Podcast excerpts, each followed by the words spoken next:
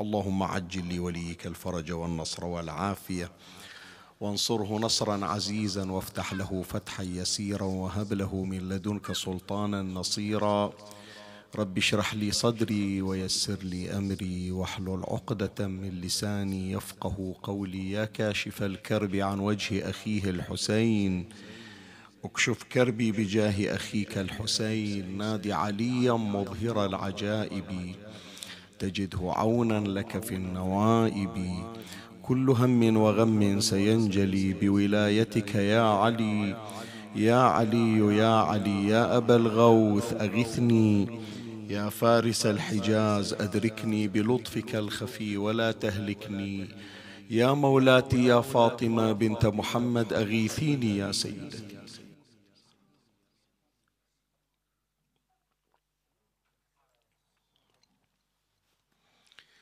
صلى الله عليك يا سيدي ويا مولاي يا رسول الله. صلى الله عليك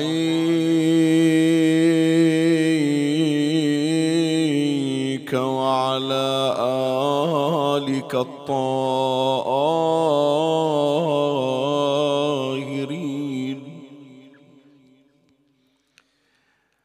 فاز من اعتصم بكم.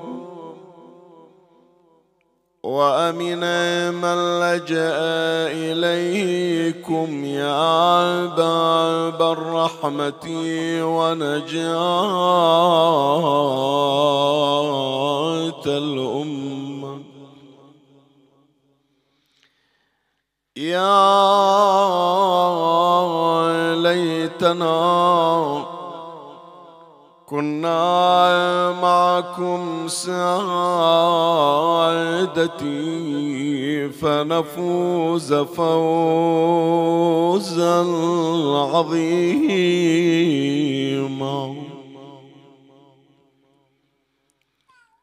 وجاءت إلى الكرار تشكو اهتضامها ومدت إليه الطرف خاشعة الطرف.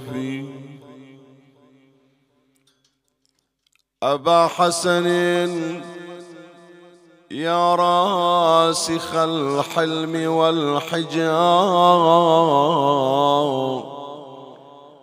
إذا فرت الأبطال رعبا من الزحف. ويا واحدا أفنى الجموع بسيفه.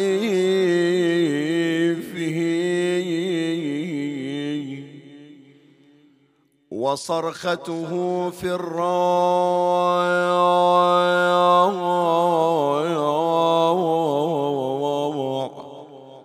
تأتي على الألف أراك تراني وابن تيم وصحبه. يسومونني ما لا أطيق من الخزي. أراك تراني أراك تراني. وابن تيم وصحبه يسومونني ما لا أطيق من الخزي ويلطم عيني وويله ويلطم عيني نصب عينيك ناصب العداوة لي بالضيارب مني يستشفي لمن أشتكي يا علي يا علي. لمن أشتكي إلا إليك ومن به ألوذ وهل لي بعد بيتك من كهفي وقد أضرموا النيران فيه وقد أضرموا النيران فيه وأسقطوا جنيني فوا ويلاه منهم ويا لهفي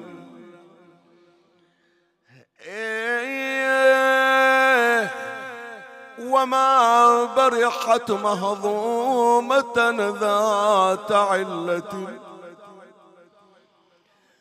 وما برحت مهضومة ذات علة تؤرقها البلوى وظالمها مغفي وما برحت مهضومة ذات علة تؤرقها البلوى وظالمها مغفي.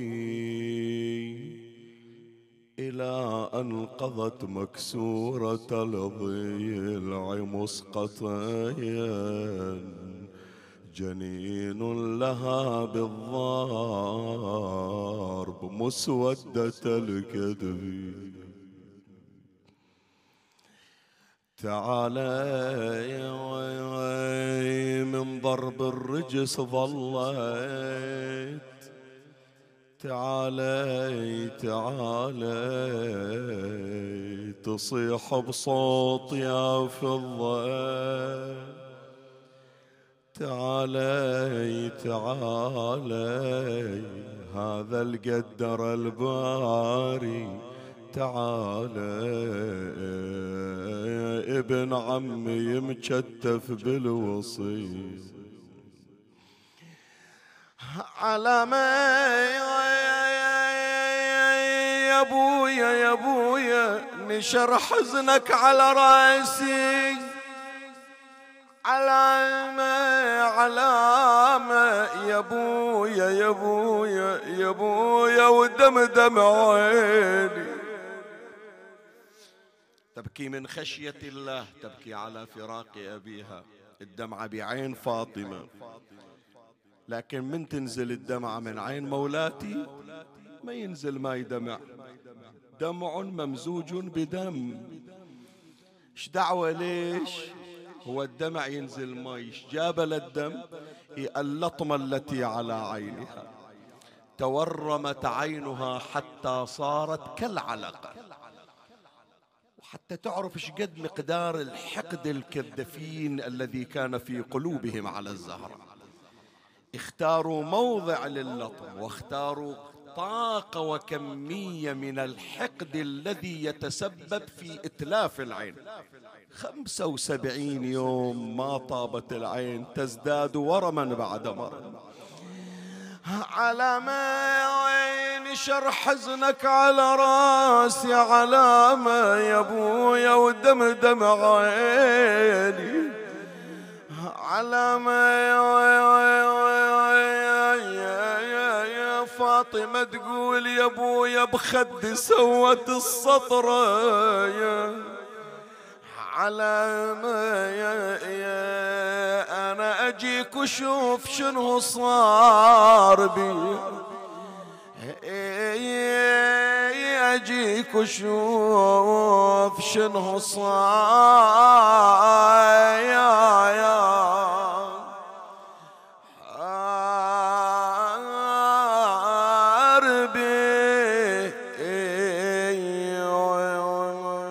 الشباب أحبائنا قالوا النواهس نسمع الطور البحراني. بالمجلس الأول ما قاري. خليها إن شاء الله تكون ون فاطمية نبثها عبر المشارق والمغارب. يا سيد الكون الوصي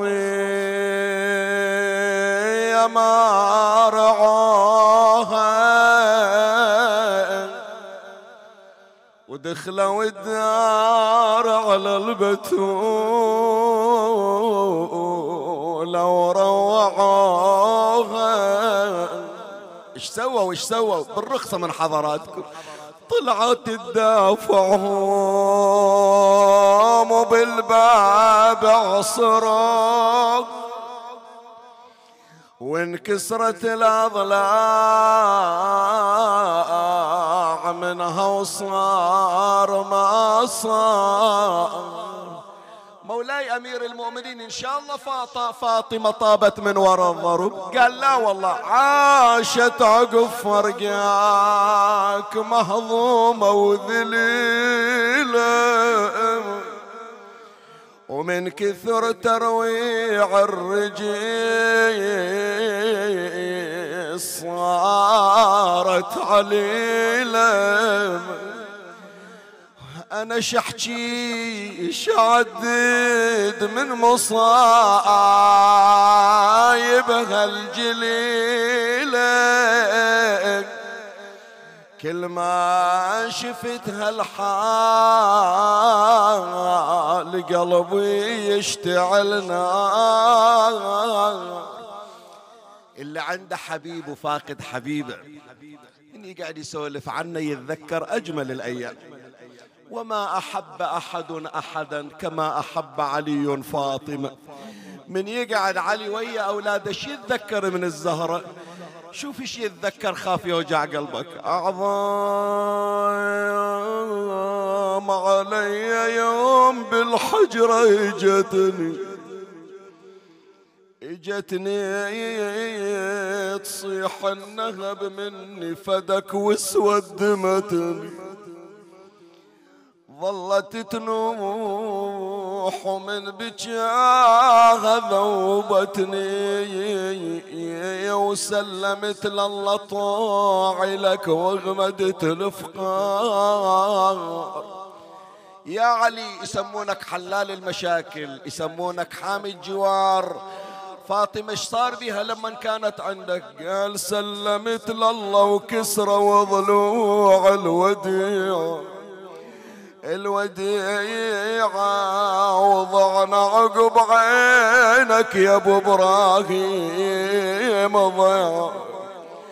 جار وعلينا وضيقوا بينا الوسيعة لطموها على العين ونبت بالصدر مسمومة إذا بقلبك ون على فاطمة أريد أسمع ونك كنت تطبعها بهذا المكان. ذخيرة إلك.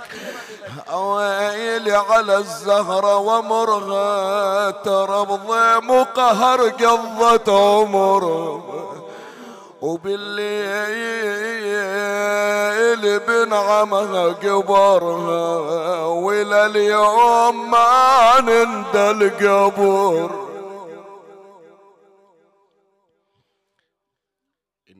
لله وإنا إليه راجعون. على بكائكم وعلى الانكسار في قلوبكم وعلى هذه الحالة من الخشوع والتألم لمصاب مولاتنا فاطمة الزهراء عليها السلام. أقرأ الرواية الشريفة التي يصف فيها أمير المؤمنين سلام الله عليه فصلا من فصول مأساة الصديقة الزهراء عليها السلام. فأرجو منكم الإصغاء والتأمل والتأثر.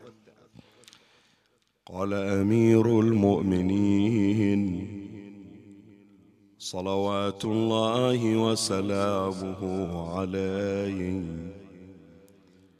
والله لقد أخذت في أمرها وغسلتها في قميصها ولم أكشفه عنها.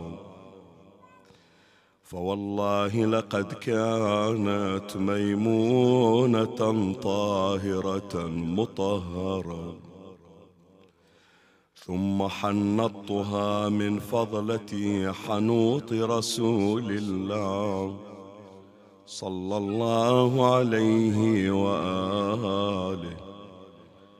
كفنتها وأدرجتها في أكفانها. فلما هممت أن أعقد الرداء ناديت يا أم كلثوم ويا زينب. يا سكينة يا فضة يا حسن يا حسين. هلموا تزودوا من أمكم فهذا الفراق واللقاء في الجنة.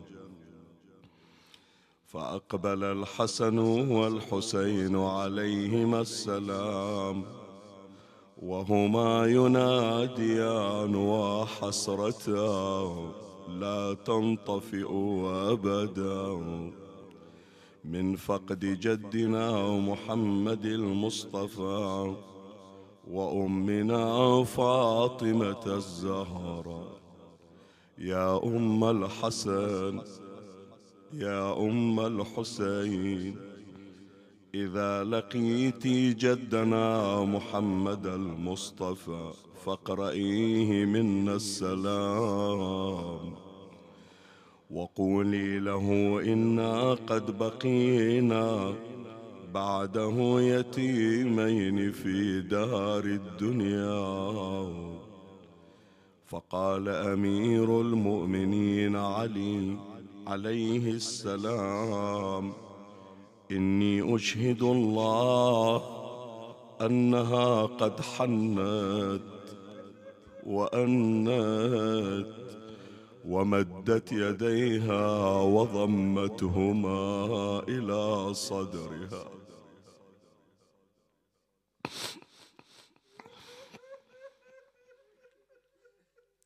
أشهد الله أنها قد حنت وأنت ومدت يديها وضمتهما إلى صدرها مليا. وإذا بهاتف من السماء ينادي يا أبا الحسن ارفعهما عنها. فلقد أبكيا ملائكة السماوات. فقد اشتاق الحبيب إلى المحبوب. قال فرفعتهما عن صدرها وجعلته أعقد الرداء.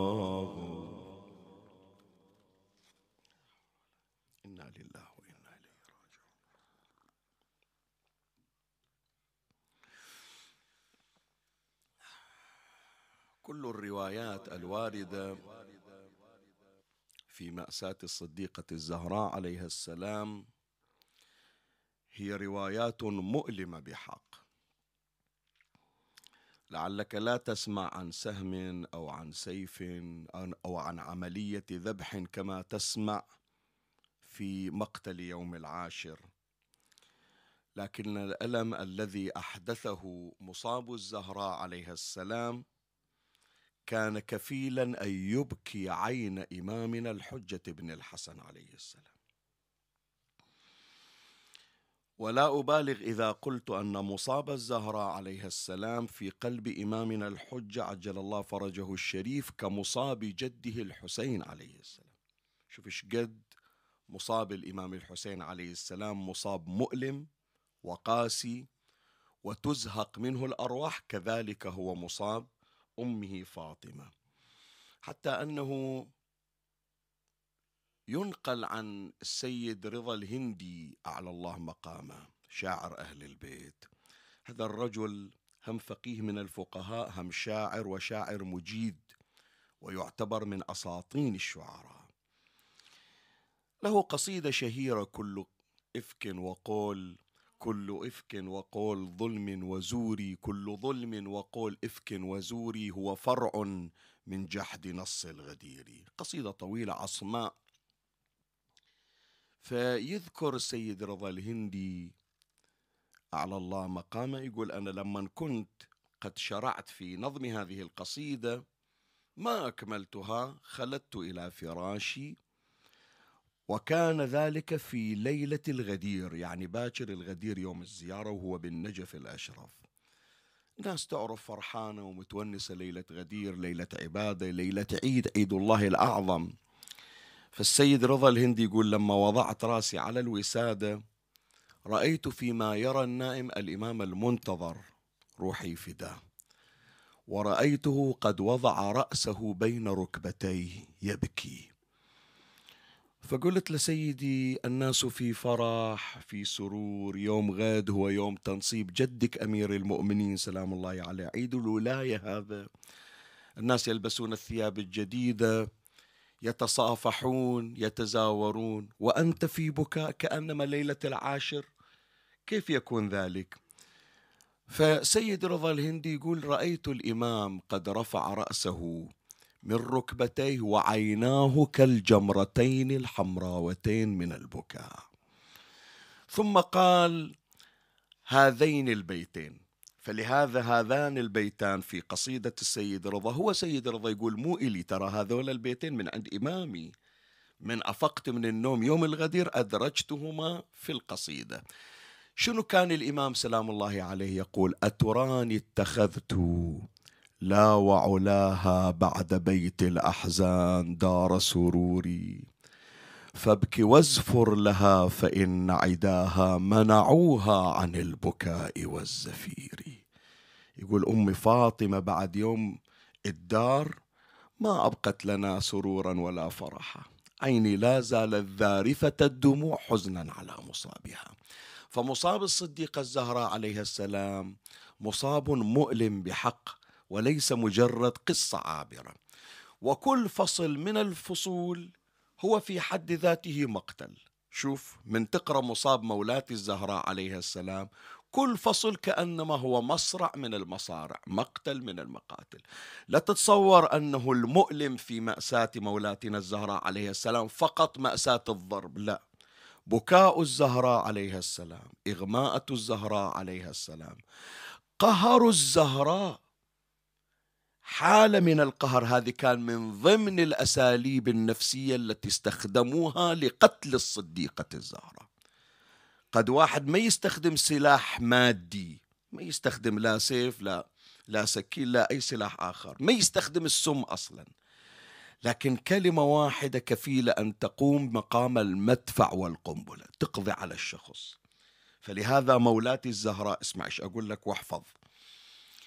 تعرضت إلى ضرب كثير من أشخاص كثيرين في أوقات كثيرة. هذه العبارة سجلها عندك وتذكرها. خاف تقول بأن الضرب فقط كان لما كانت وراء الباب وانتهى. لا مولاتي الزهراء ضربت في أكثر من موضع وضربها أكثر من شخص وعلى أكثر من موطن.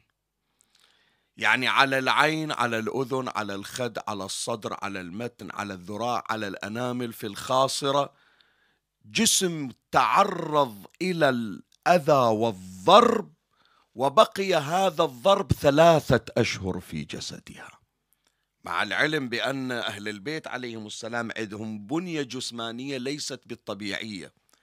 أهل البيت يتحملون الشدائد لكن هذا الضرب لو وقع على غير فاطمة لقضى عليه في التو والفور. كل مأساتها مؤلمة لكن القهر النفساني هناك فاطمة تمنت الموت عينها. يعني لما كانت تضرب خلف الباب ما قالت ليتني مت.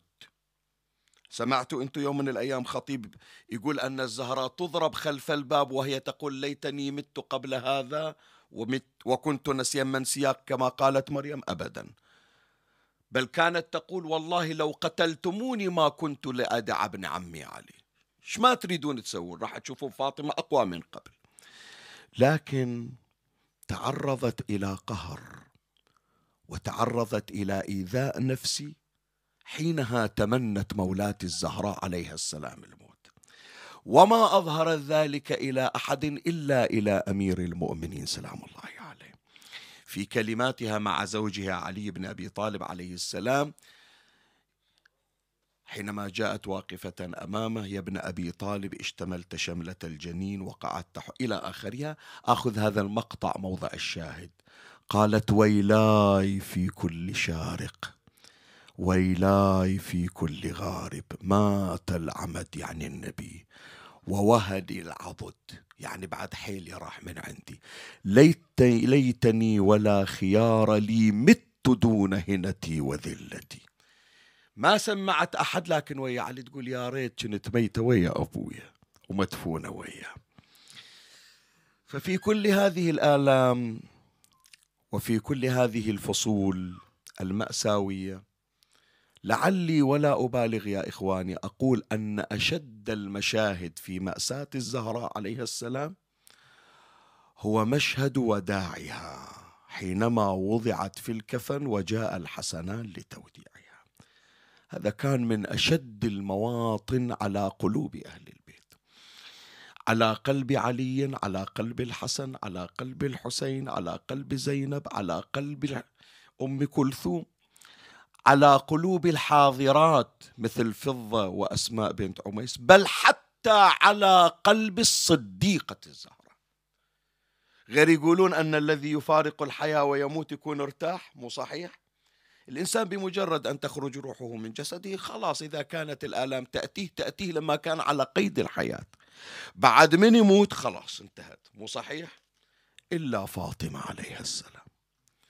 فاطمة حتى وهي ملفوفة بالكفن كان قلبها يتألم والدليل هذه الرواية أنها لما سمعت وهي في الأكفان بكاء ولدها الحسين عليه السلام ما ملكت نفسها حتى أخرجت يديها من الكفن وضمت أولادها إلى صدرها وما سمعنا بأن الملائكة كانت تخاطب أمير المؤمنين لما كانت فاطمة تضرب لما كانت فاطمة خارجة من البيت إلى المسجد لما كانت فاطمة تبكي على أبيها لما كانت فاطمة تتوجع.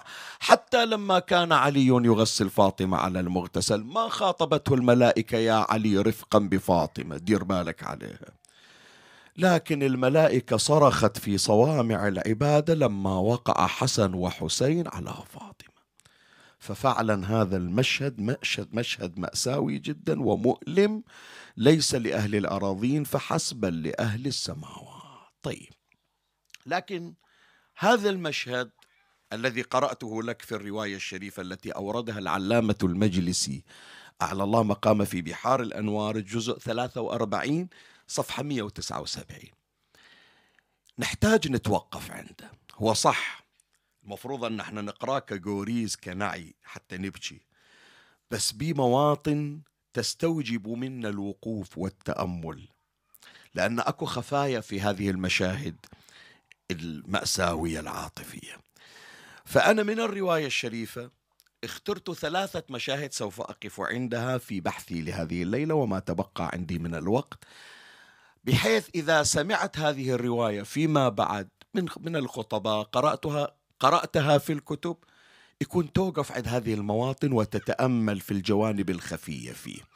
فبحثي لهذه الليلة بعنوان تأملات في رواية شهادة الصديقة الزهراء الرواية التي قرأتها على مسامعكم الكريمة. وأختار مشاهد ثلاثة إن شاء الله أقوم معكم بالبحث فيها ومن الله أستمد العون والتوفيق ومن مولاي أبي الفضل المدد ومنكم ألتمس الدعاء وثلاثا باعلى الأصوات. صلوا على محمد وآل محمد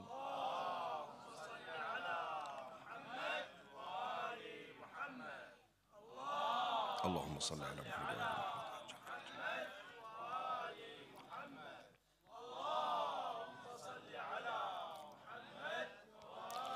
مولاي الكريم أنت حيثما كنت اسمعني وفرغ لي قلبك وأعرني سمعك وأقبل علي بكلك. البحث بعنوان تأملات في رواية شهادة الصديقة الزهراء. هذه الرواية التي قرأناها على وجه الخصوص.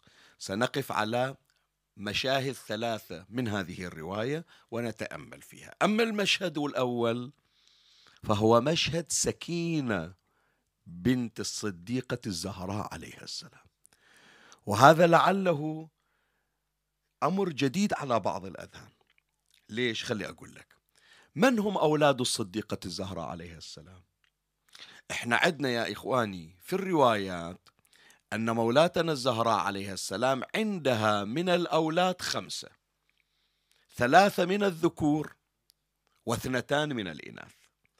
أما الذكور الثلاثة فالحسن والحسين والمحسن الذي أسقط بين الباب والجدار. هذول ثلاثة أولاد إلى الصديقة الزهراء عليها السلام. وعدها من البنات كما هو معروف. السيدة زينب الكبرى عليها السلام. والسيدة أم كلثوم. بعضهم يقول لا هي واحدة زينب وتكنى بأم كلثوم. لا. هناك بنتان إلى السيدة الزهراء. واحدة اسمها زينب والثانية اسمها أم كلثوم. أحيانا يقال زينب الكبرى وزينب الصغرى وكل زينب تكنى بأم كلثوم.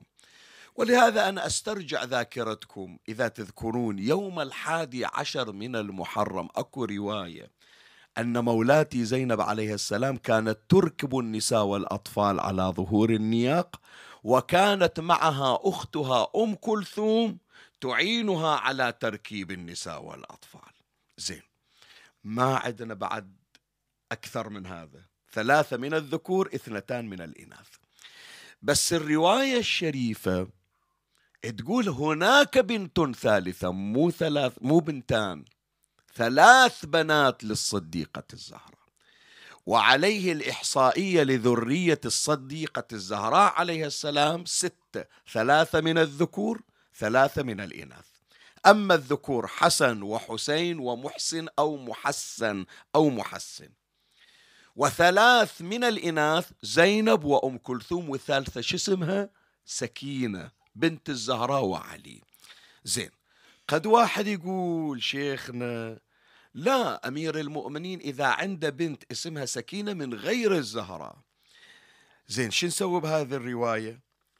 الرواية خلي أعيد لك قراءتها فقط في هذه الجزئية. يقول أمير المؤمنين سلام الله عليه فلما هممت أن أعقد الرداء.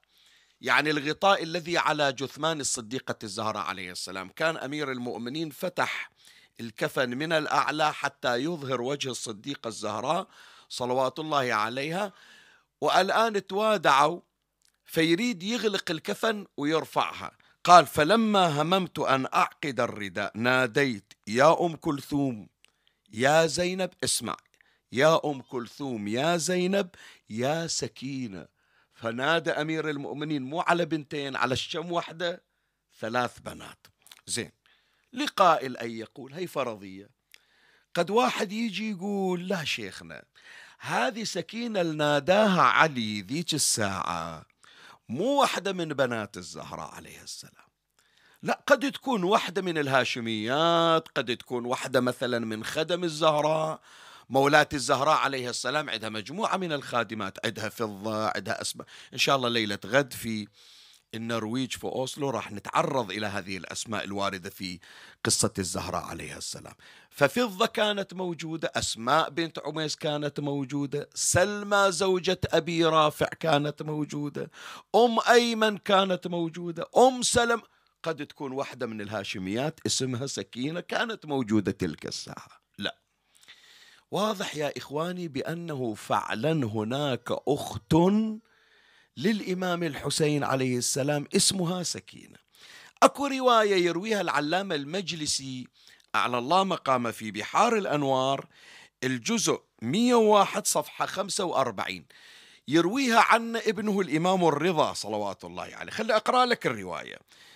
قال الإمام الرضا عليه السلام عن جده الحسين صلوات الله عليه أدخل على أختي سكينة.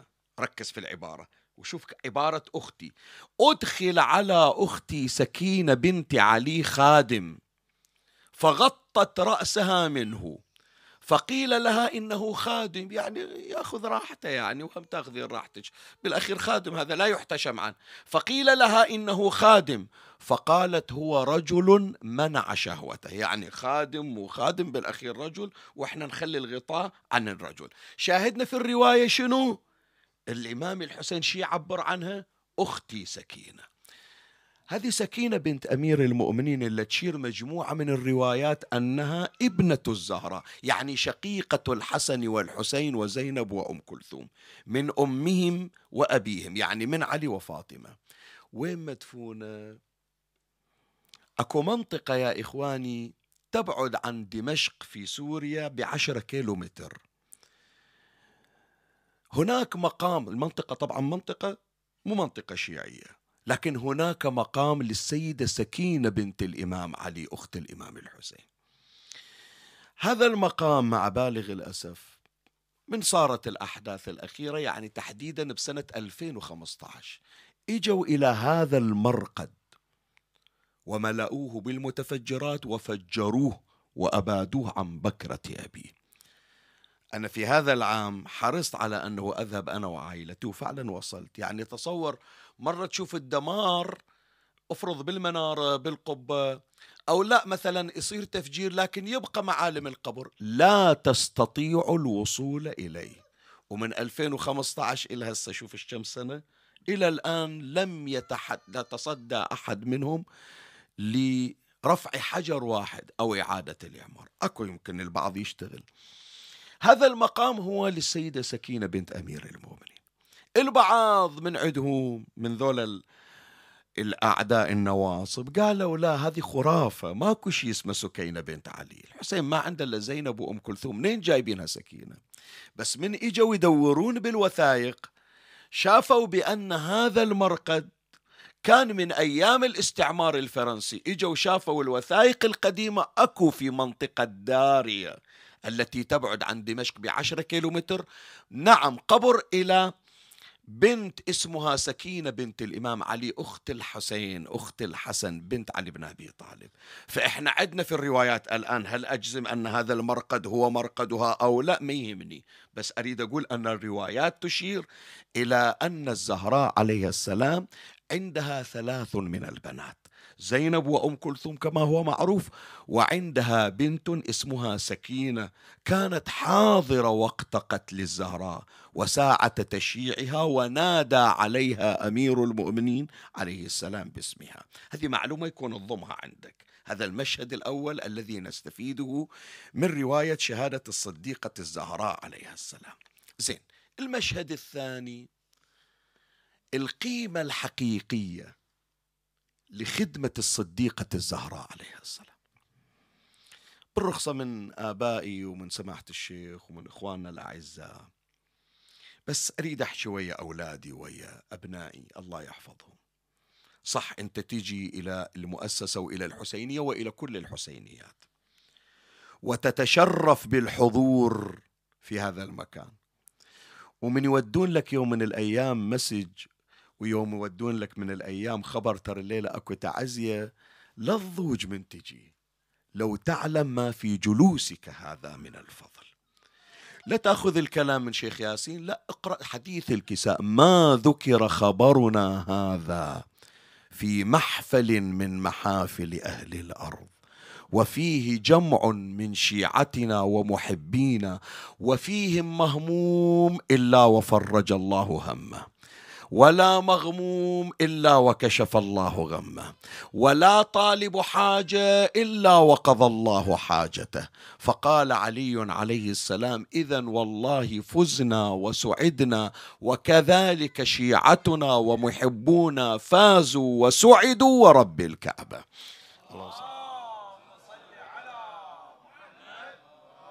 من هنا يا أحبائي خاف يوم من الأيام مثلا تقول ما يعجبني أنه أنا أجي؟ اليوم أنا مرهق من العمل من الدراسة. أو مثلا هذا الخطيب الجايبين إيش راح يقدم لنا أو منا ما يلي خلق أنا اليوم. لا أكو عندك حاجة لعلها مستمرة لسنوات. الكل تفازع لك يريد يقضيها ما تمكن. جلوسك في مجلس الحسين عليه السلام هو مفتاح حلها.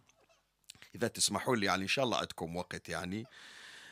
بس إذا تأذنون لي هاللحظات هذه عايشة وياكم. أنا إن شاء الله بالأيام القادمة أكو عندي سلسلة فاطمية هذا الآن تقريبا ثلاث سنوات أنا أحييها مع الشباب بمملكة البحرين الأحبة كل سنة إحنا نقدم سلسلة خاصة مرة قدمنا سلسلة كساء فاطمة تحدثنا فقط عن حديث الكساء في أكثر من عشر مجالس. العام الماضي تقريبا 24 حلقة متواصلة حول سيرة الصديقة الزهراء عليه السلام في سلسلة اسمها اعرف فاطمة.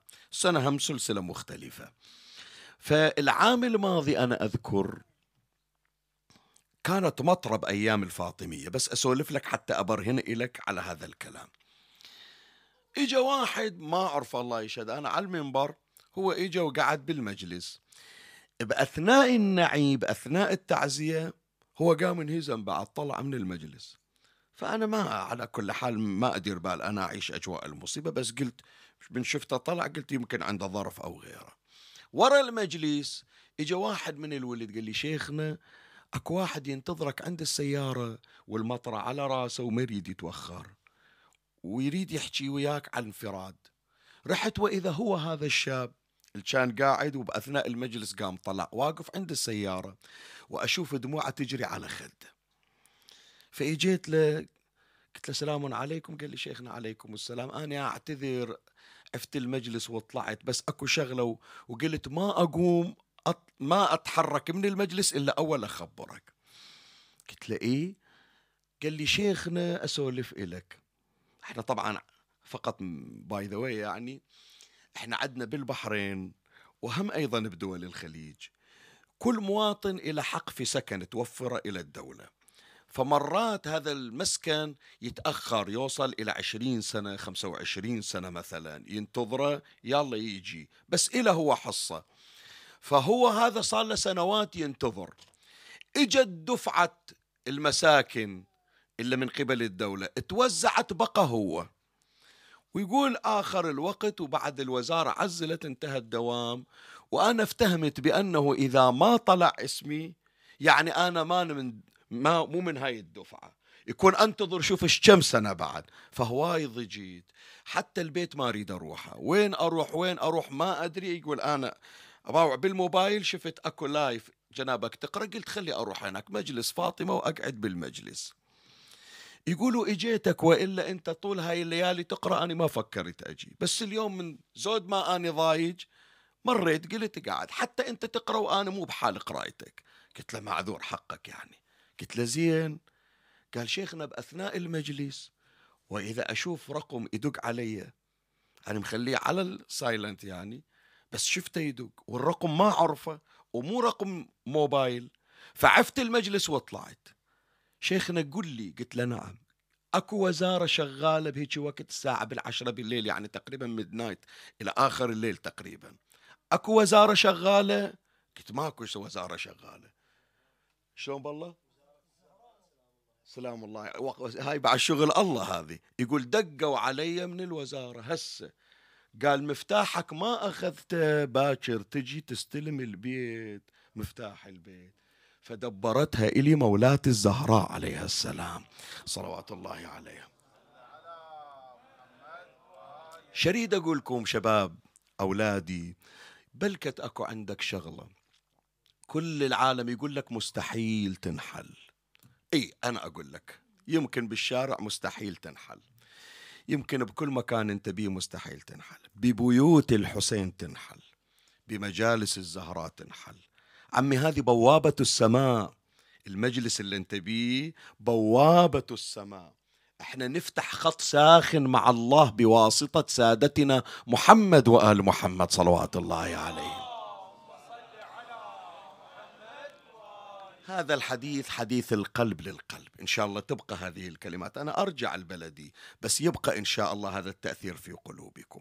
فحضراتكم تجون تقعدون بالمجلس ذول الشباب الإخوان الأعزاء يتشرفون بخدمتكم لأن خدمتكم هي خدمة أهل البيت. وخدمة أهل البيت خدمة منه خدمة الله تبارك وتعالى. إحنا من نخدم الحسين عليه السلام ومن نخدم أهل البيت صلوات الله عليهم ترى هي الخدمة إلى الله. بدعاء كميل قوي على خدمتك جوارحي واشدد على العزيمة جوانحي. يعني أريد طاقة جسمانية وأريد واهس ورغبة في أداء الخدمة. فأنا أتمنى من ذول القاعدين الله يشهد الجماعة ما وصوني ولا قالوا لي بس هي من عندي. سواء بهذا المكان أو بغيره. ما أريدك بس تحضر لا. ما أريد اسمك وعنوانك فقط مستمع لا. أريدك تتوفق أن تكون من خدام الزهراء السلام اليوم تجي هذا حضورك هذا جلوسك تمرين تدريب ويصير عندك طموح إلى أن تكون من الخدام بهالمؤسسة بغير مؤسسة بمضافة بالدنمارك بكربلاء وين ما كان. لكن أخدم فاطمة. شحصل شيخنا إذا كنت من خدام فاطمة؟ إذا وفقت أن تكون من خدمتها المخلصين وقعت عين الصديقة الزهراء عليها السلام عليك. وإذا قبلتك مولاة الزهراء أن تكون من خدامها. تعرف شنو يعني؟ يعني خلتك ولد من أولادها. منين جايب هذا الحكي؟ هي الرواية اللي قريناها بأول المجلس. خلي أخذ لك هذا الفق هذه الفقرة تحديدا.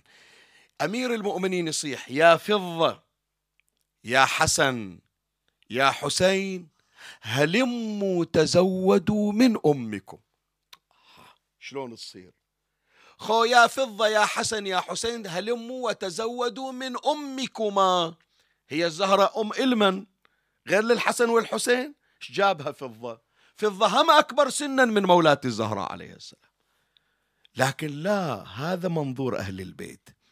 أنه اللي يصير خادم إلنا بصدق ما ننظر إلى كخادم هذا نحسبه واحد من أبنائنا نفزع له نحضر له بالشدة. يوقع بالمرضى كل الأطباء يقولون ماكو إلى علاج.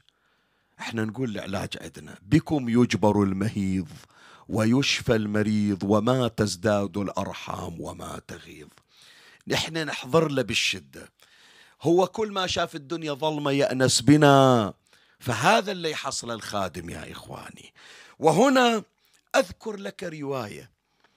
رواية جدا جميلة. شقد فضة خادمة الزهراء عزيزة على قلب فاطمة. خلي أقرأ لك الرواية. يرويها الخوارزمي في مقتله. الجزء الأول صفحة 69 الرواية عن الإمام الباقر عليه السلام. قال إن فاطمة عليها السلام سألت من رسول الله خادما. ثم قال ثم غزا رسول الله صلى الله عليه وآله ساحل البحر فأصاب سبيا فقسمه فأمسك امرأتين. يعني جابوا مجموعة من الأسارة ووزعوهم. حصة النبي كانت امرأتان كانت امرأتين. قال فأمسك امرأتين إحداهما شاب والأخرى قد دخلت في السن يعني تقدم بها العمر. ليست بشابة فبعث إلى فاطمة عليها السلام وأخذ بيد المرأة فوضعها في يد فاطمة عليها السلام وقال اسمع يا فاطمة هذه لك. اتصال لك مدة تقولي لي شوف لي خادم شوف لي خادم عندنا شغل عندنا التزامات وأنا ما أقدر أجيب خادم بس هسه صارت لك الفرصه هذه لك ولا تضربيها فإني رأيتها تصلي وإن جبرائيل نهاني أن أضرب المصلين. وجعل رسول الله صلى الله عليه وآله يوصيها بها. يعني وصي الزهراء مولاتنا عليه السلام بفضل ديري بالك على فضة غريبة والزمن جابها إلنا وهم هي مؤمنة وتستاهل واحد يرفق بها. فالنبي وصي الزهراء عليه السلام. شوف مولاة الزهراء شردت على أبيها النبي صلى الله عليه وآله. قال فلما رأت فاطمة عليها السلام ما يوصيها بها التفتت إلى رسول الله. صلى الله عليه وآله. اسمع أرجوك. من قلبك اسمع مو من إذنك. وقالت يا رسول الله علي يوم وعليها يوم. تعرف شنو يعني علي يوم وعليها يوم؟ شنو يعني؟ منو يقول لي؟ خلي شوي نصف ثلاث ثواني فكر بها شنو يعني عليها يوم وعلي يوم؟ أنا أقول لك. يعني يوم هي خادمتنا تشتغل إلنا تغسل هدومنا تكنس الدار. يوم اللاخ أقول لها فضة أنت اقعدي. الطعام أنا أسوي لك. فراشك أنا أعد له. غير أنت يسمونك خادمة فاطمة اليوم فاطمة هي التي تخدمك. وحشيخ يقول أنا ما أتعقل. البارحة من كنتوا حضراتكم لو تذكرون جبنا قصة ويطعمون الطعام على حبه مسكينا ويتيما. وأسيرا. وذكرنا بالرواية الشريفة أن التي تقوم بخبز الأقراص الخمسة من هي؟ فضة منو يقول لي؟ فضة كانت تخبز لو منو؟ مولاتي الزهراء. زين خمسة أقراص. غير هي فضة الخادمة. غير هي لا. تقول إحنا راح نصوم وآني أسوي لك طعام بإيدي. فإنت جنابك أسألك سؤال. شقد جميل من مولات الزهراء تقوم على رعايتك. على هامش البحث هذا الان إحنا على وشك نختم. يسألوا الذين تشرفوا. تشرفوا بأن نزل عليهم الشفاء من الله بواسطة أهل البيت عليهم السلام. الله يرحم أستاذي السيد جاسم طويرجاوي رحمة الله عليه. ومجموعة أيضا كان على هذا الغرار وعلى هذا المنوال. يفزعون إلهم وقت الشدة. أستاذي سيد جاسم رحمة الله عليه حتما سامعين من عنده وهم أنا سامع مرارا وتكرارا. من طببوه إلى غرفة العمليات مو بالمرض الأخير اللي فارق به الحياة لا بذيك السنة. سبحان الله إحنا بين المرض مالتي ومرض مال سيد جاسم عشرة أيام. أنا بشهادة السيدة زينب هو بشهادة الإمام الكاظم صلوات الله عليه فموضع شاهدي جابوا سيد جاسم رحمة الله عليه طببوه إلى غرفة العمليات طلع وظل هو وحده عالشرباية فيقول ذيك الساعة إلمن أتوجه يقول استحضرت كل بيبياتي صرت أصيح. يما آمنة بنت وهب يما خديجة بنت خويلد يما فاطمة. عمتي زينب. يقول ذكرتين أسماء أمهات الأئمة. يا فاطمة بنت أسد يا فاطمة وصاح بأعلى صوته. يا فاطمة بنت محمد. اللهم صل على محمد وآله يا شاه زنان يا فاطمة بنت الحسن يا أم فروة يا حميد المصفات يا تكتم يا نجمة يا سمانة يا سوسن يا نرجس يا فلان يعددن يقول بأسمائهن. قلت له إيه سيدنا قال والله شيخنا شفتهن داير ما دارت شرباية كلهن حضرا عند ذيك الساعة. فهو كان برعايتهم. هكذا هذا مفاد الرواية. انت تقدم خدمة شباب اسمع إيش أقول لك. من تقدم خدمة إلى الزهراء قول لي الزهراء بحاجة خدماتنا؟ شو تقولون؟ مولاة الزهراء معتازة إلى شيخ ياسين يطلع من البحرين ويجي إلى الدنمارك حتى يصعد منبر ويقرأ لها؟ عمي إلا الله منطيها جبرائيل يريد يخدمها. والنوب لا مو يجي يتفضل ويسوي مني على الزهرة أنا جاي خادم إليك أتأذن لي أن أهبط إلى الأرض لأكو. يست... أمين الله على وحي. الكون كله في خدمتها. سلام الله عليه. محتاجة إحنا إلنا؟ محتاجة مولاتي إلنا؟ إحنا أصحاب الذنوب والمعاصي والآثام. إحنا ملوثة. صفحتنا بطول النهار حتى أجي إلى هذه الساعة بس أنا أقول لك فائدة الخدمة في مجلسها في مجلسها شنو؟ لنبشر أنفسنا بأننا قد طهرنا بولايتكم. عمي هذه مصحة. هذه شلون أنت سيارتك من تتوسخ من المطر والطين توديها تغسلها؟ القلب من يصير عليها آثار الذنوب والمعاصي تطهيرها بذكر الصلاة على محمد وآل محمد صلوات الله عليهم وقالت يا رسول الله علي يوم وعليها يوم ففاضت عينا رسول الله صلى الله عليه وآله بالبكاء وقال الله أعلم حيث يجعل رسالته ذرية بعضها من بعض والله سميع عليم. فانت من تصدق في خدمتها تصير ولد من أولادها. رزقنا الله وإياكم نظرة الصديقة الزهراء عليها السلام. المشهد الثالث والأخير. هنيالكم. بألف عافية عليكم. هذا الإحياء الفاطمي منظور يوم القيامة. الروايات تشير يا إخواني من نطلع يوم القيامة من قبورنا متوجهون إلى الجنة. يكتب على جباهنا روايات أحكي مو من عندي. هذا محب فاطمة. من الذي يكتب؟ أمير المؤمنين سلام الله عليه. يعني. اللي يخط اللي يخط على جباهنا يستنقينا يعني أمير المؤمنين يدورنا. ويكتب على جباهنا بميسم فلهذا واحد من أسماء أمير المؤمنين صاحب الميسم. الميسم ما أدري شنو اللفظ الدارج ماله شحكي ما أدري. بس مثل القلم الميل شايف هذا الميل اللي يكحلون به العين؟ لو لا يخطون به يسمونه ميسم أمير المؤمنين على جباهنا يكتب هذا محب فاطمة بخط من نور زين إذا كتب على جباهنا هذا محب فاطمة. إيه يقول الإمام فتلتقط فاطمة شيعتها كما يلتقط الطير الحب الجيد. من الحب الردي وتقول يا عدل يا حكيم سميتني فاطمة وفطمتني وشيعتي من النار فلا أدخل الجنة حتى تدخل شيعتي.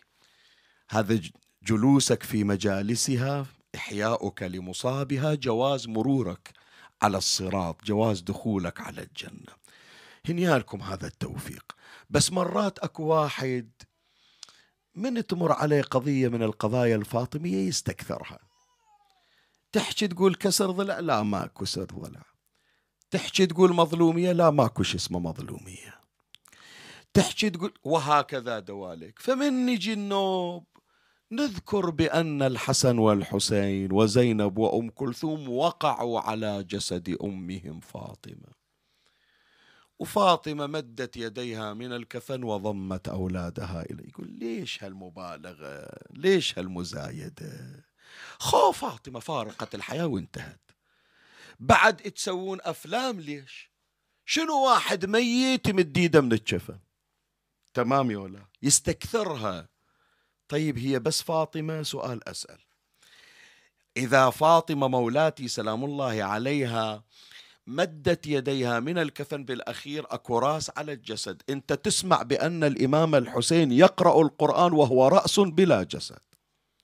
هذا ما استكثرت على على الحسين عليه السلام.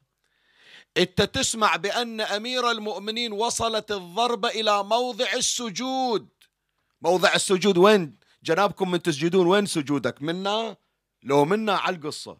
فالسيف من يوصل إلى موضع السجود يعني الدماغ مقسوم نصفين وثلاثة أيام أمير المؤمنين. بدماغ مقسوم يخرج الخطب والوصايا والمواعظ والمآثر و... أبدا ولم يتغير منه شيء. هذه ما استكثرته هذول بعد شأنهم شأن الله عز وجل. لا مرات واحد ينكسر ينخذل شي يقول يقول بس ما يخالف. أهل البيت هم أهل الصبر أهل التحمل. شنو الحسن والحسين غير أي؟ شلون يذبون روحهم على جسد فاطمة؟ استكثرت ما يصنع ال... كون حزنا عليهم. على فاطمة خلي أقرأ لك الرواية. الرواية يرويها العلامة المجلسي. أعلى الله مقامه. في بحار الأنوار الجزء 72 الصفحة الخامسة. قال إن اليتيم إذا بكى اهتز له العرش. يتيم إيش مالتي؟ اسمع أزيد لك أكثر. مر هذا اليتيم سيد ابن الزهره ومرة هذا اليتيم شيعي لكن عامي ومرة هذا اليتيم غير شيعي ومرة هذا اليتيم غير مسلم ومرة هذا اليتيم أصلا مو ما يعتقد بالله. بس ما طول هو يتيم ويبكي الكون يتأثر لبكائه. عرش الله يهتز وإذا انضرب الله تبارك وتعالى يأخذ الحقل. زين فإذا كان اليتيم العادي يهتز له العرش. شلون إذا كانت اليتيمة زينب بنت علي؟ شو تقولون؟ نستكثرها نستكثرها على زينب وأم كلثوم على الحسن والحسين. إحنا اليوم الدنيا كلها تتعاطف. إحنا قبل أيام كنا ببرلين جايبين خمس خمسمية وستين شمعة. شنو ذولا؟ قال أكو أطفال قتلوا في أوكرانيا. حطوا أساميهم ويذكرون الشباب اللي كانوا ويانا. بالقلب قلب العاصمة والناس تتعاطف ويا اليد. يا أخي حسبوا أهل, أهل البيت أيتام كسائر الأيتام. ليش إذا وصلت إلى أهل البيت قلوبكم تصير متحجرة متغلظة؟ أكو رواية خلاص هذا المجلس كافي الآن. صار لي الآن. خمسين دقيقة تقريبا أنا أقرأ. خلي أختم المجلس. مولاي الكريم أنت أكو رواية يرويها مجموعة من العلماء منهم السيد هاشم البحراني على الله مقامه. مو بتفسير تفسير البرهان لا. بكتابة معالم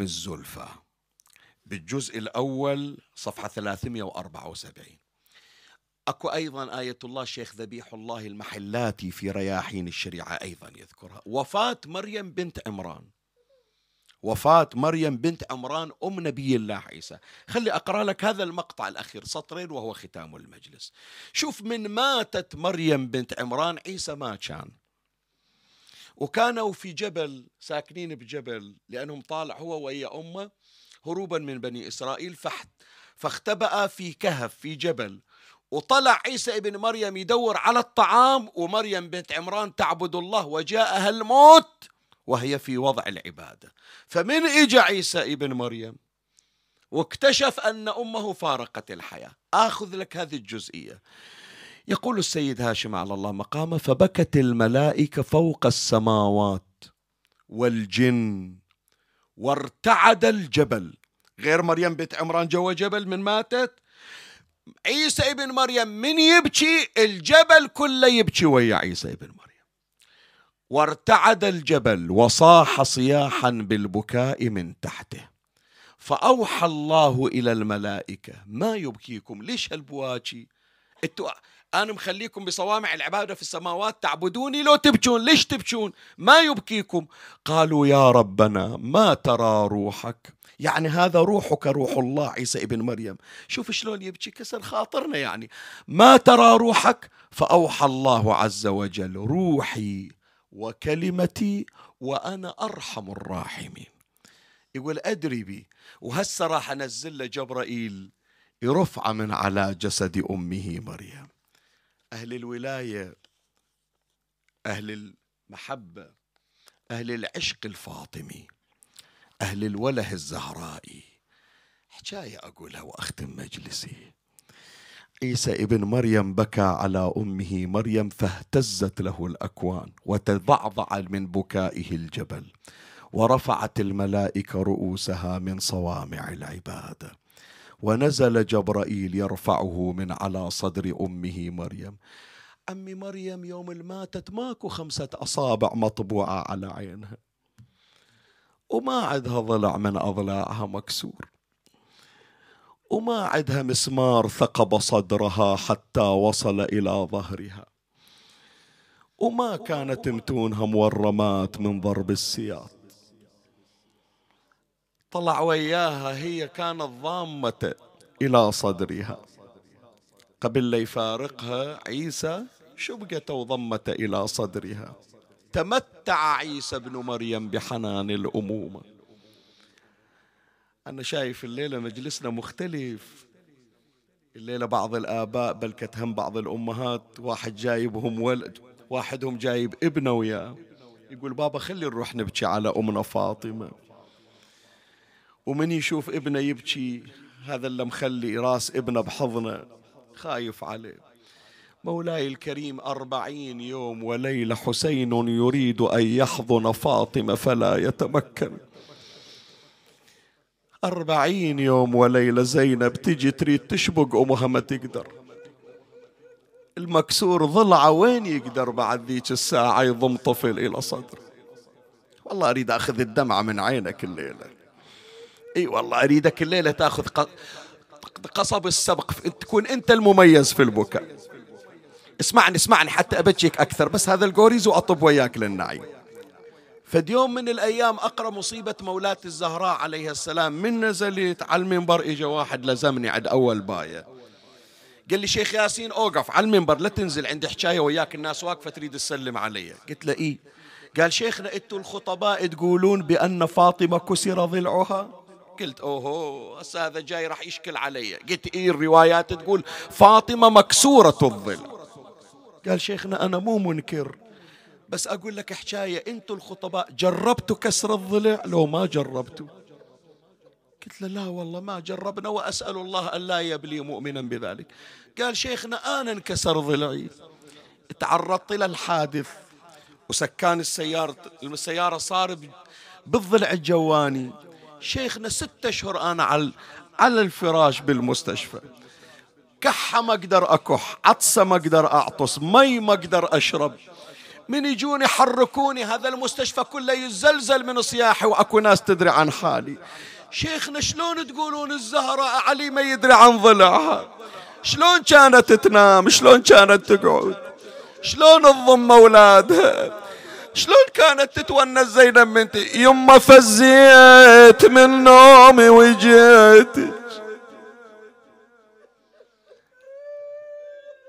إي والله فزيت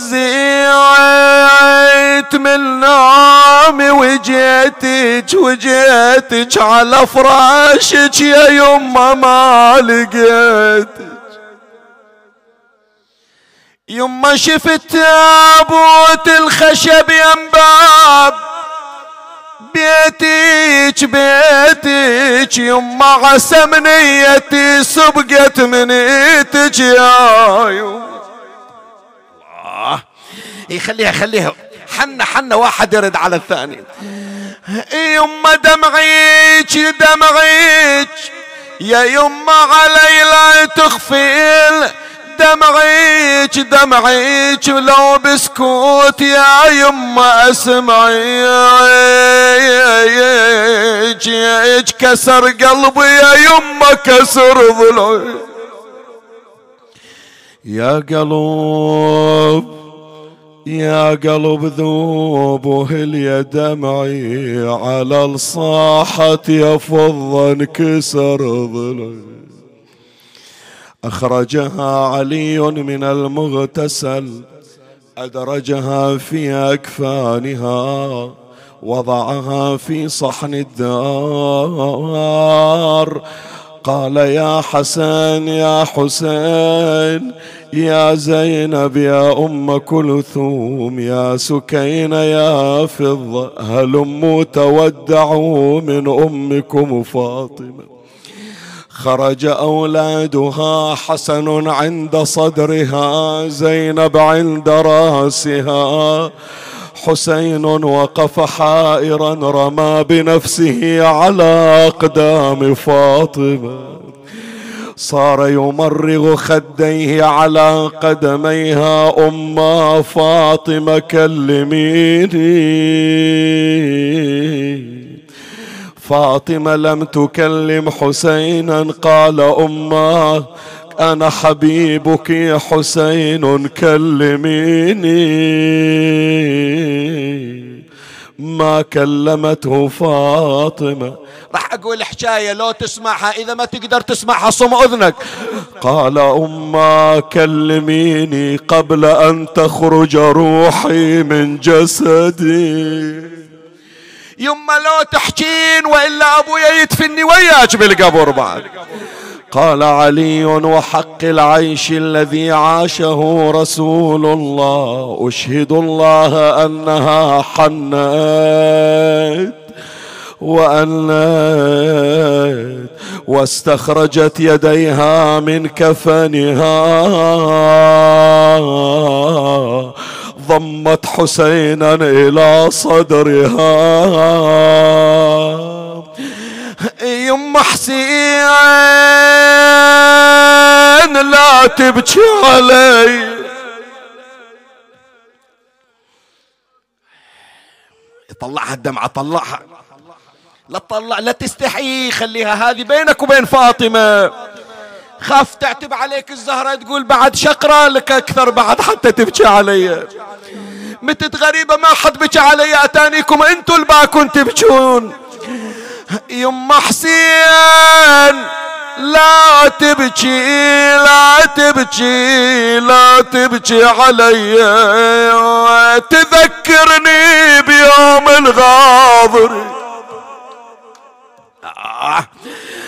يما تذكرني بيوم الغاضرية. يما يا يما يا يما أشوف بدمعتك زينب سبي. كلما حاول علي أن يرفع واحدا وقع الآخر. رفع حسنا وقع حسين. رفع حسينا وقع الحسن ضم الحسن والحسين وقعت زينب أخاف عندي بالمجلس واحد فاقد أمه الآن جرحها بقلبه ما راح. خلي الليلة وفاء للأمهات. تسمع الحسين شي يصيح لما لما لما علي من المصايب غدت.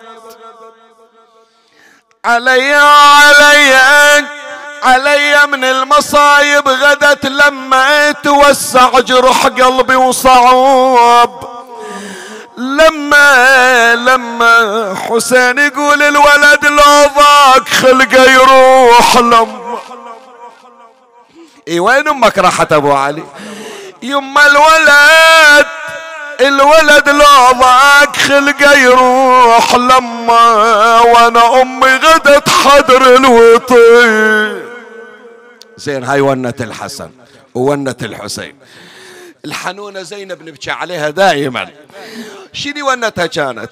راحت راحت أنا نحت على الوالدة وصكيت. يا يما يا أبوي نحت على الوالدة وصكيت راحت بعدها ما يصح بالعمور راحت راحت.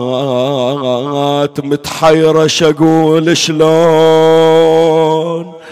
راحت راحت. بس ديارها ظلت خلي نساء رجال بالمجلس اللي يسمعن عن البث. اللي عنده أمه الله يطول بعمر أمه والراحت من عند أمه يوديها إلها هاي الهدية. وشاليت أريد أبكي على الرب. أنا أريد أبكي على الربة وشاليت بعيني ما بقى دمعة وشاليت وين أمي مشت علي. وشالت وشالت بس بيوتها ظلت خلي. تريد الملائكة ما تون شلون يصير؟ تريد الكون ما يتزلزل شلون يصير؟ تضعضعت السماوات اهتز عرش الله. رفعت الملائكة رؤوسها من صوامع العباد. جاء النداء من السماء يا علي ارفع الحسن والحسين عن صدر فاطمة. فلقد أبكى يا ملائكة السماء. خلاص عمي مجلسي كافي أقرأ لك صار مجلس عاشورائي. بس إذا شفت الحكاية قاسية عليك أشر علي والله ما أكملها. أقول أهل العزاء ما صنعت الملائكة لما صعد شمر على صدر حسين.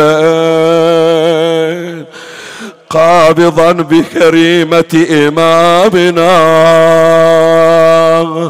ذابحا له بمه سوت الملائكة؟ أنا بخيمتي وعين التنوايا وشفت الشمر فوق تربوه وبنحر أخويا قام يقطع يا ريت روحي وياه.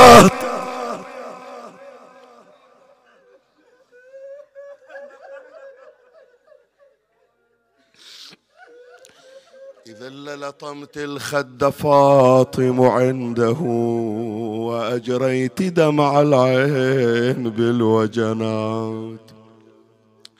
إخواني ارفعوا أيديكم بالدعاء لشفاء المرضى لقضاء الحوائج المتعسرة لرضا قلوب سادتنا علينا. بسم الله الرحمن الرحيم. اللهم صل على محمد وآل محمد. بك يا الله بمحمد بعلي بفاطمة بالحسن بالحسين. بعلي بمحمد بجعفر بموسى بعلي بمحمد بعلي بالحسن.